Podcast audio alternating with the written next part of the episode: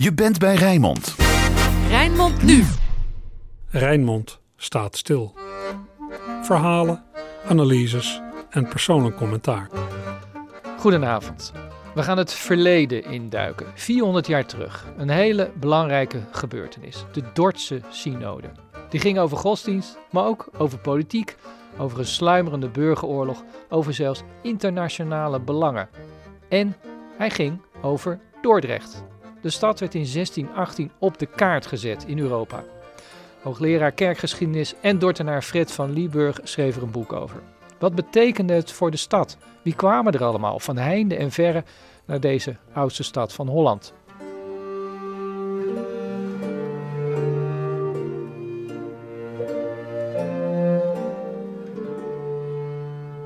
De herdenking van de synode is niet aan Dordrecht voorbij gegaan. Al in 2009 werd er een plaquette opgehangen op de plek waar de vergadering werd gehouden, de verdwenen kloveniersdoelen. Het is een stuk uh, geschiedenis niet alleen van Dordrecht, maar in feite internationaal. Ze hadden natuurlijk prachtig kunnen restaureren, hadden ze misschien in deze tijd gedaan. Maar ja, toen konden ze geld krijgen van het Rijk voor een gevangenis. En nu is het een rechtbank. En nu is het een rechtbank, ja. ja, ja. Internationaal, ja. Uit heel Europa kwamen de geleerden en politici naar Dort. Het inspireerde Marco van Schaardenburg tot een lange wandeling. Vanuit Schotland naar Dordrecht. 400 jaar geleden kwamen ze vanuit heel protestants, uh, de hele protestantse wereld naar, naar Dordrecht. En we doen vier wandelingen. Drieënhalve week geleden uh, heb ik via Schotland ben ik, naar Engeland gelopen. In Engeland naar Newcastle. En van daaruit ben ik naar de Maasvlakte gereisd. En nu dus op weg via Voorne Putten naar Dordrecht.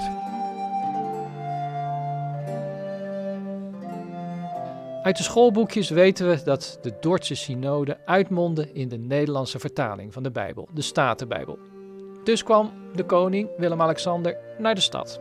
Zijt niet traag in het benaarstigen. Zijt vurig van geest.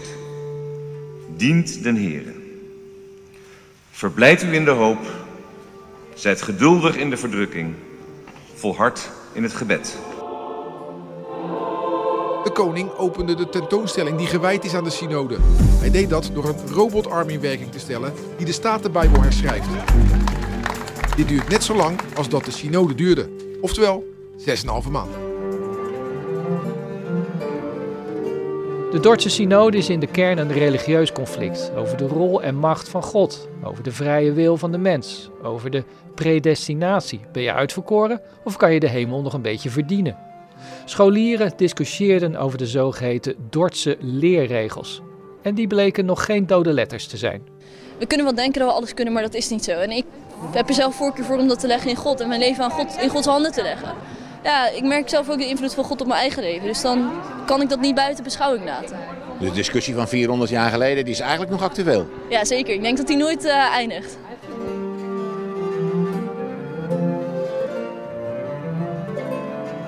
Maar de synode was er zoveel meer dan een ingewikkelde discussie over leerstellingen tussen gereformeerden.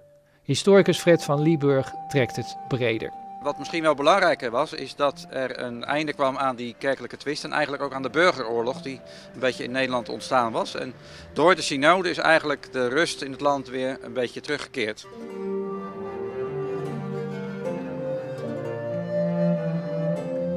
Deze Rijnmond staat stil gaat over Dordrecht als centrum van de wereld. Hoe een burgeroorlog werd voorkomen, al moest daar wel wat bloed voor vloeien. Ik spreek af in de oude binnenstad met Fred van Lieburg. In gedachten gaan we 400 jaar terug. Het was druk op straat in Dordrecht. November 1618 was de maand waarin de synode van Dordrecht uh, begon. Uh, er waren afgevaardigden van buitenlandse bondgenoten uh, aanwezig. Uh, een stuk of dertig uit verschillende landen, Engeland, een paar Duitse staten en steden, Genève. Um, en ook heel veel Nederlandse predikanten en hoogleraren. Dus nou, bij elkaar een, een heel gezelschap die zich hier in de stad hadden genesteld. En ja, we staan hier nu bij de Grote Kerk. En daar werd op 13 november 1618 de synode geopend. Uh, eerst dus met een soort uh, ja, dienst, een kerkdienst, met een gebed van uh, de stadsdominee, Balthasar Lydius. Nou, daarna, na afloop, gingen ze naar de Kloveniersdoelen, waar dan verder de volgende maanden de synode is gehouden. Maar zou het je opvallen als je hier rondliep, dat je denkt, hé, hey, ik zie allemaal onbekende gezichten. Was het druk in de stad? Ja, het was zeker druk in de stad, uh, sowieso. Het was natuurlijk echt een, een marktstad, hè, Dordrecht, dus er was altijd uh, bedrijvigheid. Uh, maar ik denk dat er ook wel toen al toeristen naar Dort waren gekomen. want eigenlijk zou de synode al op 1 november beginnen. Is een beetje uitgesteld, dus er was al een beetje spanning van. En er waren mensen in de stad speciaal uit andere steden ook gekomen om hier ja. te kijken. herbergen, hotels, logementen. Zat allemaal vol, hè? Ja, dat zat vol en dat werd in, die loop, in de loop van de maanden eigenlijk steeds, steeds meer. En um, kijk, de stad had uh, heel goed gezorgd voor uh, ja, de onderkomens van de synodeleden. Het was voor Dordrecht natuurlijk ook een soort eer om, uh, nou ja, om die synode te mogen ontvangen, huisvesten. Maar toen dat eenmaal gebeurde, moesten ze ook een beetje zorgen voor de eer van het land. Zeker tegenover het buitenland. Dus het moest allemaal goed geregeld zijn. Kon ook, want de Staten-Generaal, dus zeg maar de, de landelijke schatkist, die betaalde mee. Ja. Uh, en flink hè? En flink, ja. Dus er werd kosten nog moeite gespaard om... Uh, om dat gewoon goed te organiseren. Dus de, de, de, betere hotels, laten we zeggen, de, de vijf sterren hotels van die tijd, die waren gereserveerd. Je had in de Wijnstraat de Pauw en de Toelast. En, uh, maar ook werden synodeleden ondergebracht bij gegoede burgers die oh ja. grote huizen hadden aan de Wijnstraat. En, ja, dat was goed, uh, goed geregeld. Ja, ze kregen ook uh, reisvergoeding, onkostenvergoeding? Zeker, de buitenlanders, ja. ja. De Nederlanders die, die werden geacht uh, gewoon hun kosten te declareren bij hun provincies, dus bij ja. de provinciale staten. maar die, die, die betaalden dat ook allemaal prima. Dus, ja, we staan voor de Grote Kerk inderdaad in Dordrecht. Hier is dan de synode geopend en ook weer geëindigd hè, met het voorlezen van de le leerregels. Maar daar komen we nog over te spreken ja, dit is misschien toch wel het uh, protestantse bolwerk hè, van, van, van de stad. En dat zet meteen de toon, want het ging om een protestantse kwestie.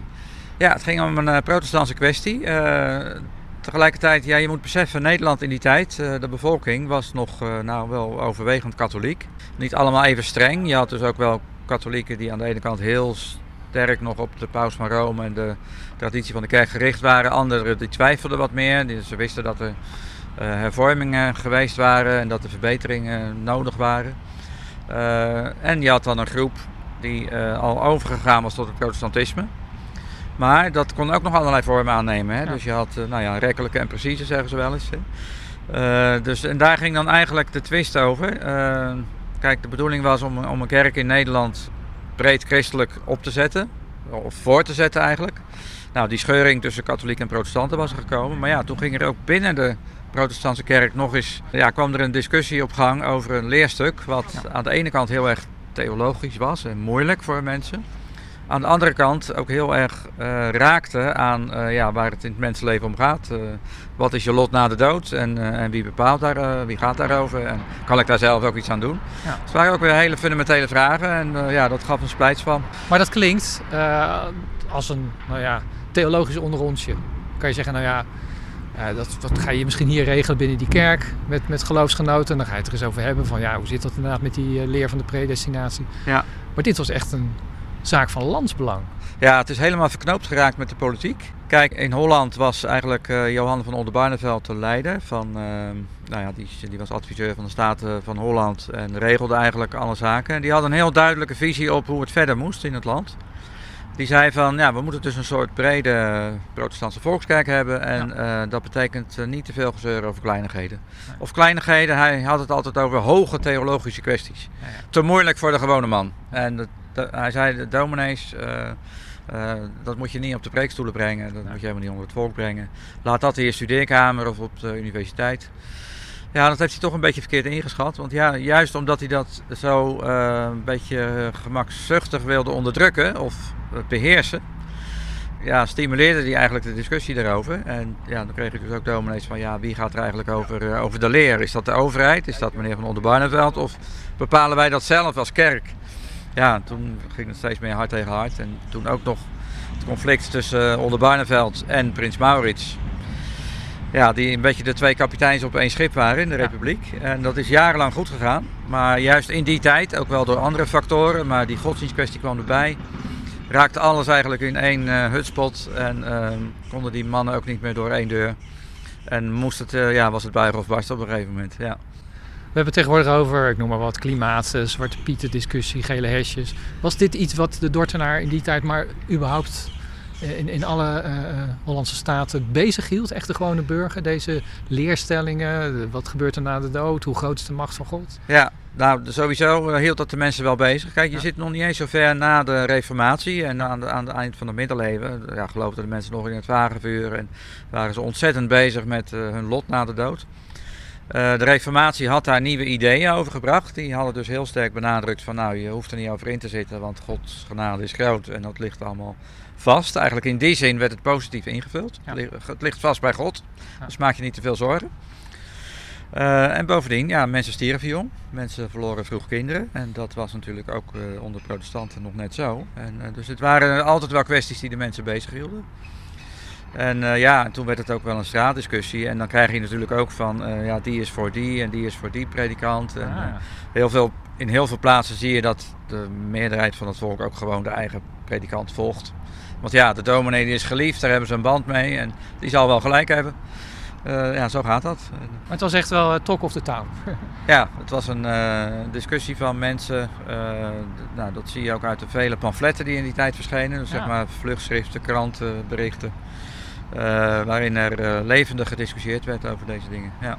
Kort na de Reformatie, nou deze kerk is daar een vrucht van, hè? want dit was natuurlijk ooit een, uh, zeg ik dan als voormalig katholiek, een prachtige katholieke kerk. Ja.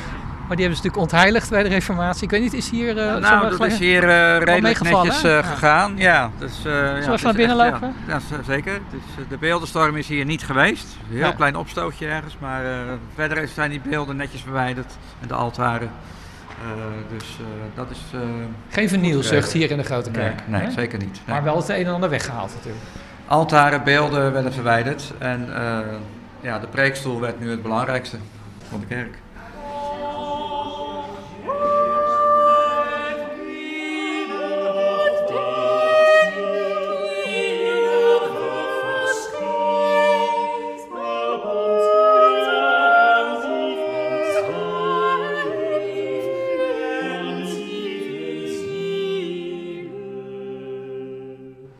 Dus hier is het allemaal begonnen ook hè, met de synode.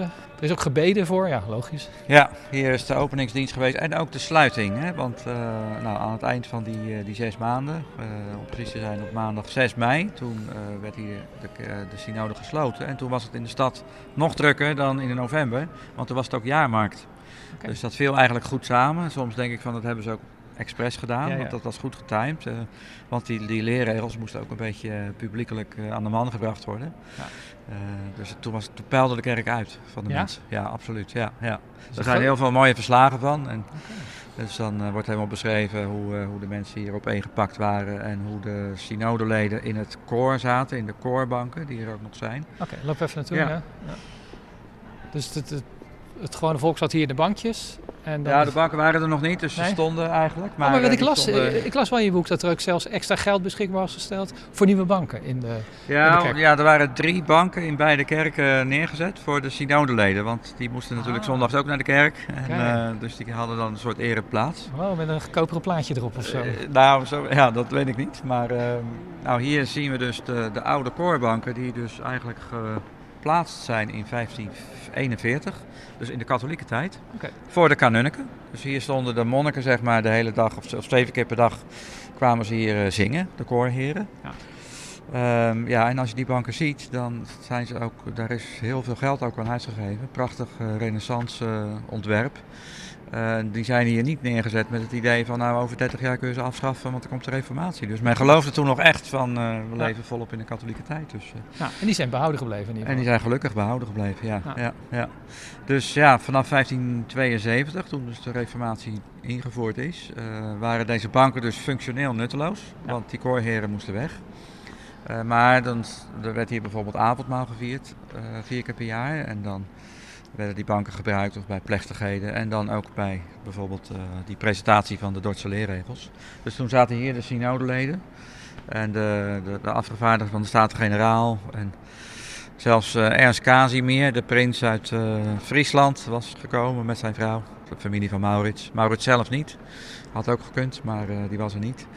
Maar dan zie je al, het was geen onderrondje van theologen. Nee, zeker niet. Want de politiek die, die keek vanaf het begin mee van hoe die synode zou verlopen. er waren in de synode 18 personen uit de Staten-Generaal die daar permanent bij zaten.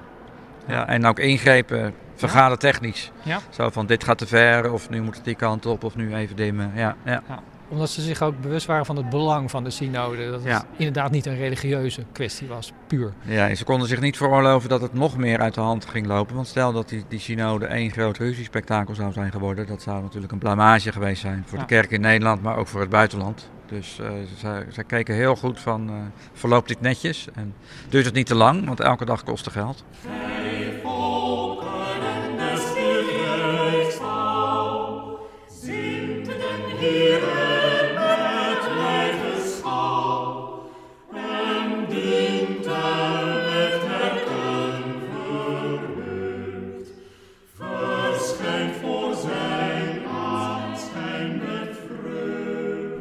Nog even de, de, de, eh, de tijd schetsen, want we waren in oorlog met Spanje, met de katholieken. We waren in oorlog met, uh, met Spanje, ja. En uh, het was tegelijkertijd ook de periode van het uh, eh, 12-jarig bestand. Dus de strijd was wel even stilgelegd in 1609. Maar ja, in 1609 wisten ze al dat het 12 jaar ging duren. Dus ze wisten 1621 gaan we weer beginnen. Uh, simpel gezegd. En, en dat was ook wel, dat zette een bepaalde druk op die synode.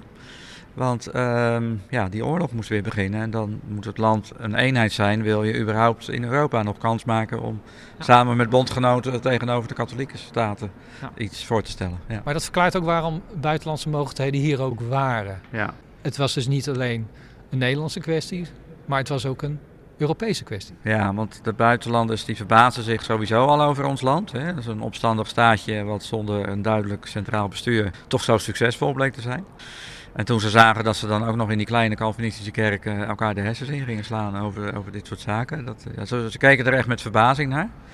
Ook dat dat niet uh, van hogerhand werd opgelost. Ik bedoel, in het buitenland zou dat onmiddellijk door een vorst uh, uh, gesteld zijn. Ja. Maar hier gingen we er uitgebreid over praten. En eerst tien jaar ruzie maken en dan nog eens een synode die ook nog eens zes maanden duurt. En, dat polderen, dat zit diep in, in het bloed. In zekere zin zou je dat wel kunnen zeggen. Maar dat is natuurlijk ook zo, want uh, er waren natuurlijk zeven provincies die allemaal apart hun zegje deden. En dan in die synode gingen ook alle landen nog eens apart hun zegje doen. Dus uh, nou, al die toespraken en dan, dan Friesland, dan Groningen, dan Gelderland. Dus daarom duurde het ook zo vreselijk lang. Ja, nou dat is wel even mijn vraag. Waarom duurde het ruim zes maanden, zeven maanden? Ja, nou ja, dat heeft verschillende oorzaken. Eerst heeft men geprobeerd om de, de remonstranten, die dus eigenlijk in de beklaagde bank zaten. De remonstranten waren de volgelingen van uh, Arminius, die een theoloog uit Leiden die zeg maar, een nieuwe visie had op de gereformeerde leer.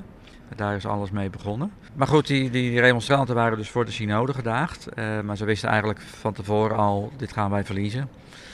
Uh, dus wat deden ze? Ze hadden een soort vertragingstactiek helemaal opgezet. Dus uh, nou, ze zijn die synode binnengekomen. Eerst een lange reden gehouden door een van de leiders. Uh, daarna steeds over de agenda zeuren van ja, moet dit niet eerst en mogen we dit zeggen, mogen we dat zeggen. En uh, moet het op papier of mag het mondeling? Nou, ze, ze verzonnen steeds weer iets om, uh, om het een beetje te rekken. Dus ja. daarmee natuurlijk ook de bloed onder de nagels vandaan gehaald van de voorzitter en ook wel van de andere synodeleden. Ja, dus dat liep een keer fout en, en uiteindelijk zijn ze uit de synode gezet. Dus, uh, meestal zeggen ze van ja, Bogeman die werd op een gegeven moment vreselijk boos en die heeft ze in een emotioneel moment eruit gejaagd. Dat was de voorzitter. Ja. Dat was de voorzitter, ja, Johannes Bogeman. Maar je moet ook bedenken, de overheid, de Staten-Generaal vonden dat zelf ook. Dus ja. het is eigenlijk al een besluit geweest van Den Haag, zo gezegd. Alleen Bogeman die had de ondankbare taak om dat uit te voeren. Die stond daar als voorzitter in de synode. Dus, ja. dus hij, is, hij is inderdaad wel boos geworden. Maar daar kun je ook wel enig begrip voor opbrengen. Dat ja. dat uh, onhandig verlopen is. Maar het feit zelf, dat, was, dat lag eigenlijk uh, ook aan de overheid. Die vond ja. dat ook dat het uh, zo niet verder kon. Maar het was dus geen open, gelijkwaardige discussie. Het was heel duidelijk wat de bedoeling was van de synode. Het was duidelijk maken aan de remonstranten dat ze de verkeerde leer aanhingen. En dat ze dus een Ja. uh, zelfs letterlijk kopje kleiner gemaakt moest ja, worden. de remonstranten die, uh, die, uh, die hoopten eigenlijk dat die synode een soort nou, open discussie zou zijn. Dus nou, gelijkwaardige theologen die alleen maar met elkaar van mening verschilden. Maar tegelijkertijd, um, het was wel laat in het hele proces. Hè, want ja, al, al, in 1610, 1611 zijn er van dat soort gelijkwaardige conferenties geweest. Ja. En die leverden er niks op. Dus ik kan me voorstellen dat men in 1618 zei van ja, we kunnen niet nog weer eens lekker gelijkwaardig uh, gaan zitten praten, want uh, we, we, moeten nu echt een knoop doorhakken. Uh, dus in die zin begon het op dat moment wel ongelijk, maar er zat wel een lange voorgeschiedenis aan vooraf. maar het is waar, tijdens de synode maakten ze weinig kans. En ehm, nou, nadat ze eruit gezet zijn, ehm, bleven ze wel in de stad en mochten ze ook nog wel zeg maar, geschriften inleveren, dus zeg maar, toelichtingen op papier van hun, hun standpunten.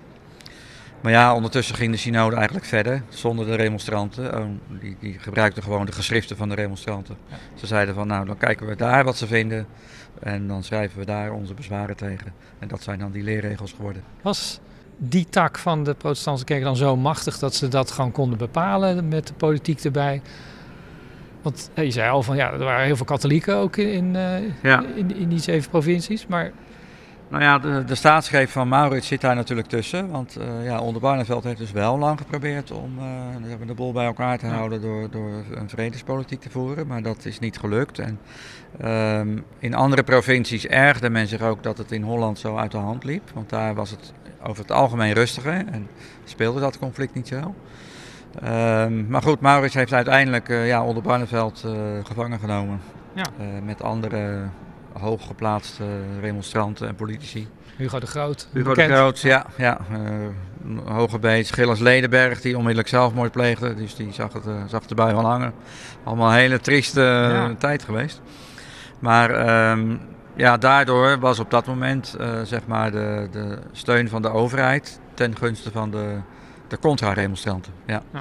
Het is wel zo, de contra-remonstranten waren wel in de meerderheid, dat kunnen we wel zeggen. Dus, maar ze hadden ook de macht dus. Ze hadden op dat moment ook de macht en uh, daardoor kon die synode überhaupt plaatsvinden. Want ja, ja. Onder Barneveld wilde het helemaal niet, die heeft het dus tegengehouden. Maar dankzij, nou ja, omdat het dus door die staatsgreep uh, de rollen omkeerde, uh, kon die synode plaatsvinden en ook dat eindoordeel geveld worden.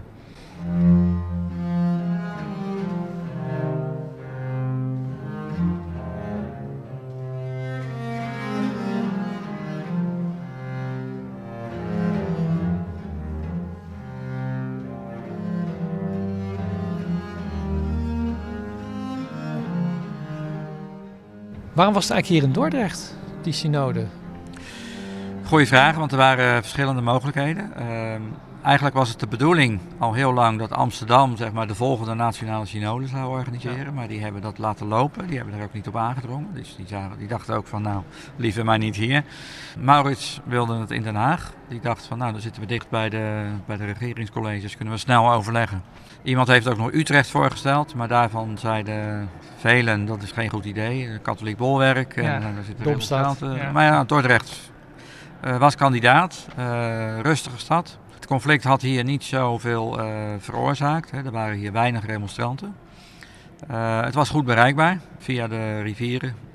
een eiland, dus overzichtelijk. ja, en ook een beetje beloond Dordrecht werd beloond voor het feit dat zij uiteindelijk ook de kant van Prins Maurits hebben gekozen. Waar ze lange tijd over geaarzeld hebben. Maar uiteindelijk nou, hebben ze dat gesteund. En uh, ik denk dat in de Staten-Generaal ook het idee heerste van... nou, Dordrecht, goede stad, staan aan onze kant, laten we het daar gaan doen.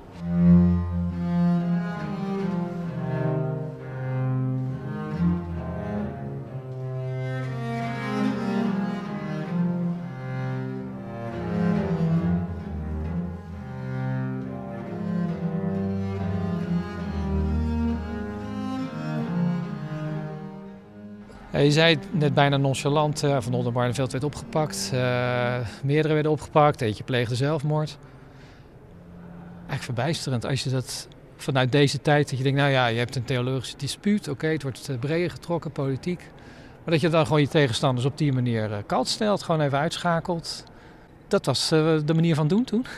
Nou, het was wel een bizarre uitzondering. Uh, en het, er is natuurlijk uh, lange tijd geprobeerd om zoiets uh, te voorkomen. Maar ehm, ja, het wantrouwen tussen Maurits en Olle Barneveld werd zo groot dat ze ook hele verkeerde voorstellingen van elkaar kregen. Olle Barneveld dacht van nou, Maurits is uit op de, op de, op de absolute macht. En die wil eigenlijk gewoon graaf van Holland worden en soeverein vorst. En terwijl Maurits op een gegeven moment dacht van ja, maar onder Barneveld is bezig om ons land uh, aan, aan, Frankrijk en Spanje uit te verkopen en dus aan het katholicisme weer uit te leveren. Ja. Totaal uh, wantrouwen en uh, ja, daar was uiteindelijk maar één mogelijkheid. Kijk, onder Barneveld had natuurlijk ook legertjes ingeschakeld. Aha. Dus steden mochten soldaten in dienst nemen om ehm, ja, de remonstrantse oproer te onderdrukken. Uh, ja, toen zei Maurits weer van ja, wie is hier de baas van het leger? Dat ben ik. En uh, dus dit kan ik niet tolereren. Dus ja, het, het, liep wel hoog op. En dan ja, was uiteindelijk dit, uh, dit soort middelen. Kijk, in, in, Engeland is later ook nog een koning op het schavot geëindigd. En het paste in die zin wel in die tijd. En, ja, en de doodstraf was natuurlijk ook vol, volop nog aanwezig. Ik bedoel, er werden hier in Dordrecht ook regelmatig mensen onthoofd of ja. ja. vanwege misdrijven. Dus dat, dat hoorde allemaal bij die, die tijd. Hij is uiteindelijk van Onder Barneveld onthoofd hè, op het. Binnenhof. Dus zij denken, nou, dat is een politieke beslissing. Maar kan je zeggen, hier in Dordrecht lag de basis van zijn onthoofding bij de synode? Um, dat is misschien te sterk gezegd, maar de synode maakte wel echt deel uit van het hele verhaal. Hè? Dus um, Kijk, um, Onder Barneveld, die, die ging bijvoorbeeld ook, uh, die was dus tegen die synode. En die zei van ja, stel nou dat die synode toch gehouden wordt en die hebben een conclusie, dan ga ik alle buitenlandse uh, vrienden, ambassadeurs inlichten over hoe, het, uh, hoe slecht het tot stand gekomen is. Dus ja. Die, ja, die was echt bezig met, met hoog spel te spelen. En um, dus um, ja, uh, ook doordat hij uh, in de kerk eigenlijk het zo hoog liet opspelen. Ja. Uh, godsdienst was belangrijk voor de mensen. En, uh, dus hij heeft eigenlijk een beetje onderschat hoe belangrijk deze hele kwestie was. Ook voor gewone mensen. Ja. voor de lokale besturen. En um, ja, daar heeft hij een hoge prijs mee betaald. Er zijn velen geweest die tegen hem hebben gezegd van joh, je moet het anders zien. Maar goed, hij was uh, standvastig, ook in zekere zin koelbloedig. Uh, niet in een negatieve zin, hij was gewoon een vastberaden staatsman, dat moeten we echt voorop stellen. Uh, maar op dit punt heeft hij een beetje zijn hand overspeeld. En heeft op een gegeven moment wel gezegd van oké, dan wil ik aftreden. Maar ja, toen zeiden zijn vrienden niet, weer van dat, dat doe jij niet. Jij blijft gewoon zitten, want wie moet het anders doen. En, dus ja, het is helemaal vastgelopen. Ja. ja. De remonstranten zijn ook zelfs verbannen op een gegeven moment uh, na uh, het einde van de synode. Dus in de tekening in het boek, dan zie je ze op van die huifkarren echt ja. Den Haag uitgebonjourd worden. Ja. En dan, dan via het Groothoofd hier in, in Noord gaan ze naar, ik weet eigenlijk niet, buitenland? Nou, naar het zuiden, ja. Via Waalwijk gingen ze naar, naar Antwerpen, sommigen zijn naar Duitsland gegaan. Maar ze konden niet hier blijven? Nee, dat geldt dan uh, eigenlijk alleen voor de, de leiders die zelf ja. ook in de synode zaten. Dus um, kijk, in principe hebben ze de kans gekregen van, nou leg je functie neer uh, en dan mag je gewoon in het land blijven als je verder maar niet, uh, niet blijft preken en met je opvattingen de boer op gaat. Nou, dat weigerden ze. Dus ja, ja dat, dus, e eentje heeft het wel gedaan, een van de vijftien. Maar um, kijk de overheid zat ook met een openbare ordeprobleem. Dus het was niet alleen maar uh, dat het uh, nou ja, zeg maar ketters waren die uh, nu veroordeeld moesten worden. Maar als je die die remonstrantse leiders weer terug naar hun eigen plaats had laten gaan, dan had daar weer de vlam in de pan geslagen en dan ja. hadden er weer oproeren uitgebroken. Dus dat, dat moest echt voorkomen worden, want er waren slechte voorbeelden dat het soms heel bloedig afliep, dat er doden vielen in, uh, in steden. Nou, waren er nu geen opstanden? Want ja, van Oldenbarneveld onthoofd, uh, die, die remonstrantse leiders moesten verbannen worden. Was er geen verzet, geen, geen protest van ja, wat maak je ons nou? En, Nee, op dat moment uh, was, uh, was het verzet wel zodanig uh, onderdrukt inmiddels. En ja, heel veel mensen waren natuurlijk ook wel blij dat de orde weer hersteld zou worden, hoe dan ook. Hè. nou, ze accepteerden dat dan prins Maurits ehm, met zijn bondgenoten ook in steden, hij had ook allemaal, allemaal nieuwe stadsbestuurders aangesteld. Ja. dus in die zin was de orde wel hersteld en dat vonden mensen natuurlijk ook wel, wel goed. Um, ja, en, en zeg maar de gewone remonstrantse uh, aanhangers, die zijn toch gewoon in de kerk gebleven. dus die hebben zich uiteindelijk ook neergelegd bij de nieuwe krachtsverhoudingen. En sommigen mochten ook na een paar jaar, als ze dat wilden, toch ook hun eigen remonstrantse gemeenten stichten en in redelijke vrijheid leven. Ja, ja. Ah, Kijk, het vervullen van, van politieke functies, dat was voor remonstranten niet denkbaar. Ook niet voor katholieken, of voor, dat was alleen aan de Calvinisten voorbehouden. Maar je kunt wel zeggen dat na de Duitse synode de kerk weer redelijk ruim is geweest. Oké, er was dan wel een, een strak leerstuk uh, opgesteld. Um, en die hebben alle predikanten moeten ondertekenen. Maar goed, zoals dat gaat, een jaar later was toch een beetje weer de status quo hersteld. En kwamen er ook weer nieuwe ideeën op uh, in de theologie, in de filosofie. Ja, en ging, ik bedoel, het is niet stil bij, blijven staan. Nee, het is niet dat ze een toevlucht moesten nemen tot schuilkerken? Of... Nee, nee. Uh, de remonstranten, nou ja, schuilkerken, ze hadden wel kerken die niet al te zeer opvielen. Ja, ja. Hè, dat, dat, was wel een zekere, zeker onderscheid natuurlijk met, uh, met de publieke erkende kerk. Maar ehm, ze hebben in redelijke vrijheid gewoon hun kerkelijk leven kunnen opbouwen.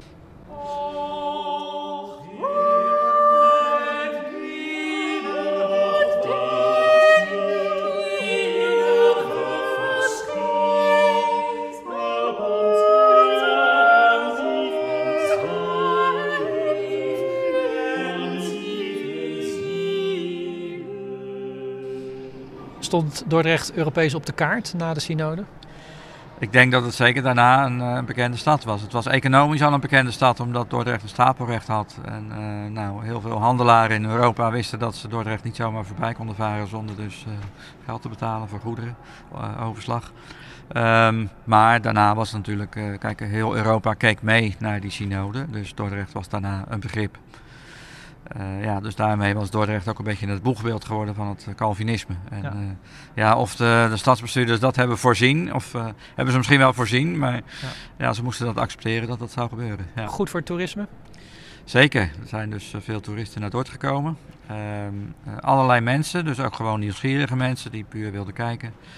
Maar ook uh, geleerden. Dus die uh, dachten van nou, daar uh, zijn op dit moment heel veel geleerden aanwezig. Dus als je mensen wil ontmoeten, dan moet je nu naar Dordrecht gaan. Heel grappig dat bijvoorbeeld René Descartes, de bekende filosoof, die ja. toen nog heel jong en onbekend was, ook in Dordrecht heeft rondgelopen in die tijd.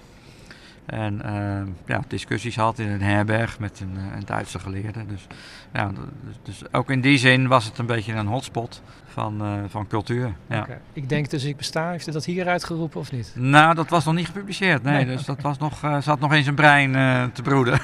ja, ja,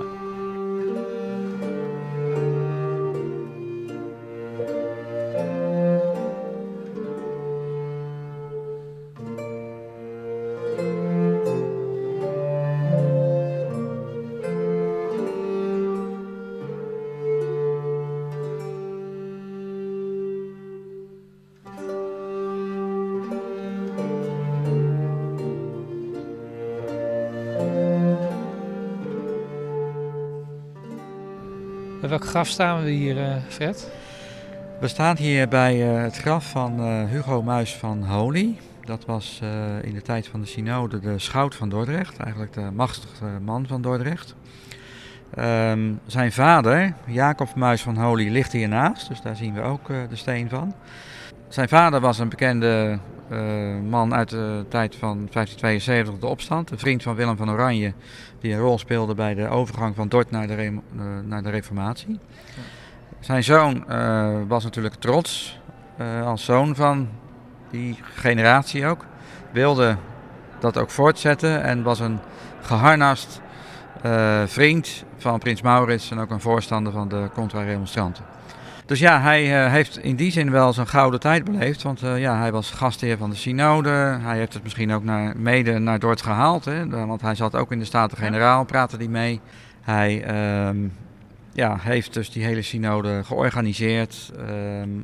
Zat zelf ook als politiek waarnemer bij de synode, heeft het ook allemaal meegemaakt. Ja, als, als voorman van Dordrecht was hij ook een beetje het politieke gezicht van de synode. Maar hij ligt hier. is er meer wat aan hem doet herinneren in de stad? Of is hij een beetje in de vergetelheid geraakt? Hij is in de vergetelheid geraakt, want ja, na de synode, toen ging alles een beetje ja, back to normal. Terug naar de, ook wel naar de oude middenkoers van de stad. Hij was ook een beetje een gehaat persoon, omdat men zei van hij is ook corrupt, hij heeft steekpenningen aangenomen en het is niet, uh, niet toevallig dat hij zo rijk is. En, hij zat ook in de rechtbank die Onder Barneveld heeft veroordeeld. Nou, hoe je er ook over dacht, daar maak je niet gauw vrienden mee, want dat was natuurlijk toch een drama. Um, hij is nog wel een jaartje burgemeester geweest, maar kort daarna is hij overleden en verschenen soms ook pamfletten uh, over zijn, zijn corrupte gedrag en zo. Dus hij was toen uh, ook wel uh, dus heel gehaat. En ze zeiden zelfs dat uit zijn lijkkist de wormen kropen. omdat, nou ja, hij was een prooi van de, van de duivel geworden.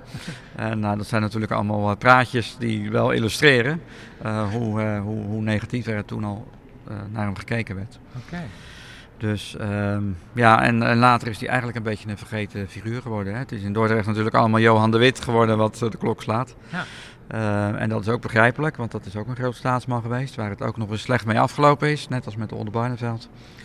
Uh, maar ja, goed, ja, na 400 jaar, dan moet je ook wel zeggen van ook Muis van Holy was een belangrijk man. En uh, heeft in de politieke situatie van toen ja, ook zijn zo'n rol gespeeld. En eh, ook dat verdient aandacht om dat toch te begrijpen hoe, hoe, ingewikkeld het allemaal was. Maar het, het zegt iets over uh, Dordrecht van na de synode, zoals Hugo Muis en de zijne. Ja. Dat was niet meer de koers, het werd daarna weer gematigder. Zeker, in de 17e eeuw zie je dat, uh, zeg maar, wat we dan de partij van Johan de Wit noemen, de, de, de, de Hollandse vrijheid, of de ware vrijheid zoals ze dat ja. zeiden, fel gekeerd tegen de Oranje dynastie. Um, die was in eh, Dordrecht wel toonaangevend. Dus uh, het was wel echt de stad van de, de Witten. En later ook de familie van Slingeland, die ook mm -hmm. nog een bekende raadpensionaris heeft opgeleverd. Die ja. uh, eigenlijk ook minder bekend is gebleven. Simon van Slingeland. Ligt hier ook in de Grote Kerk begraven. Um, ook een groot staatsman geweest in de 18e eeuw. Maar uh, ja, zo heeft Dort toch wel heel wat grote mannen voortgebracht. En, maar Hugo Muis is wel een beetje in de schaduw gekomen.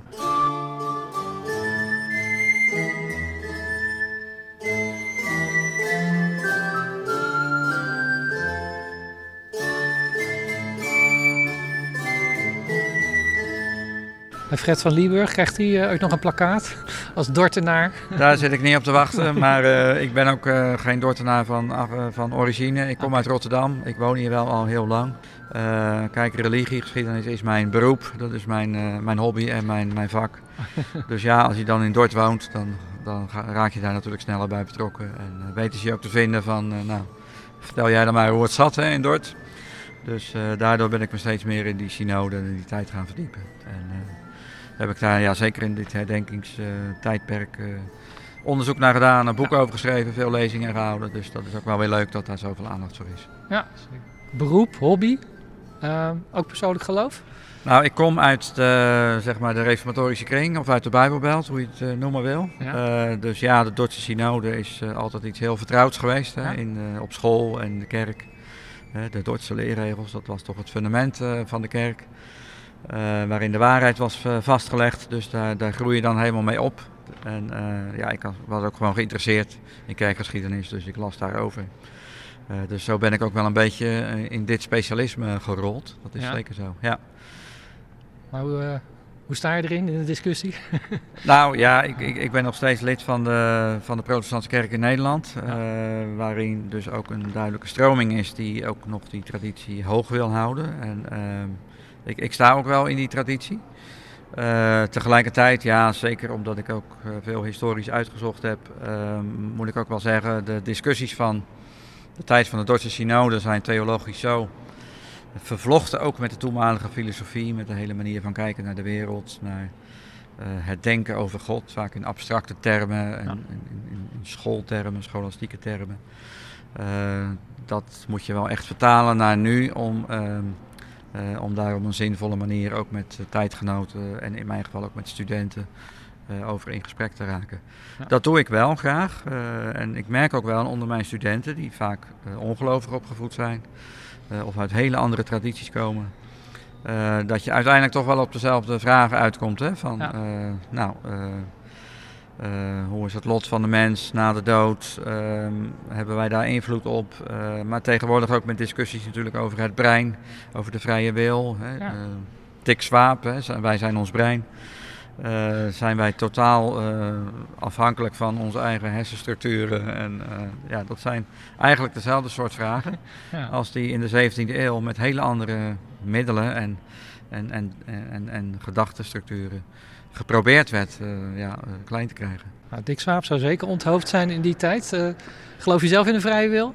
Ik geloof in een vrije wil in de zin dat een mens verantwoordelijk is voor zijn daden, voor de keuzes die hij maakt in zijn leven. Uh, tegelijkertijd denk ik ook, ja, als God bestaat en hij heeft de wereld gemaakt, hij zorgt voor deze wereld, dan ben je ook als mens eigenlijk heel klein en ben je ook afhankelijk van Gods zorg, maar ook Gods liefde, genade voor mensen. Waarbij hij uiteindelijk toch zeg maar, het initiatief heeft. En zeg maar, uh, als God ook God is in zichzelf, in zijn vrijheid om de wereldgeschiedenis zo te leiden en te laten gebeuren zoals hij dat toelaat. Zeg maar. Tegelijkertijd heeft de mens daar volop verantwoordelijkheid in. En ben je eigenlijk elke dag verantwoordelijk voor wat je doet. En ja, dat is toch een, een soort mysterieuze harmonie die je eigenlijk moet zoeken. God en mens, ja. Okay. Nou, met deze mysterieuze harmonie sturen de mensen het weekend in. Dankjewel. Graag gedaan.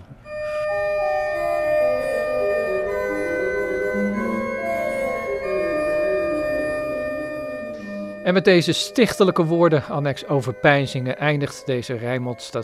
Over de Dordtse synode van 16, 18, 16, 19 en alles wat daarbij kwam kijken. Terugluisteren kan via de podcast of Rijnmond.nl. Nog een goed weekend.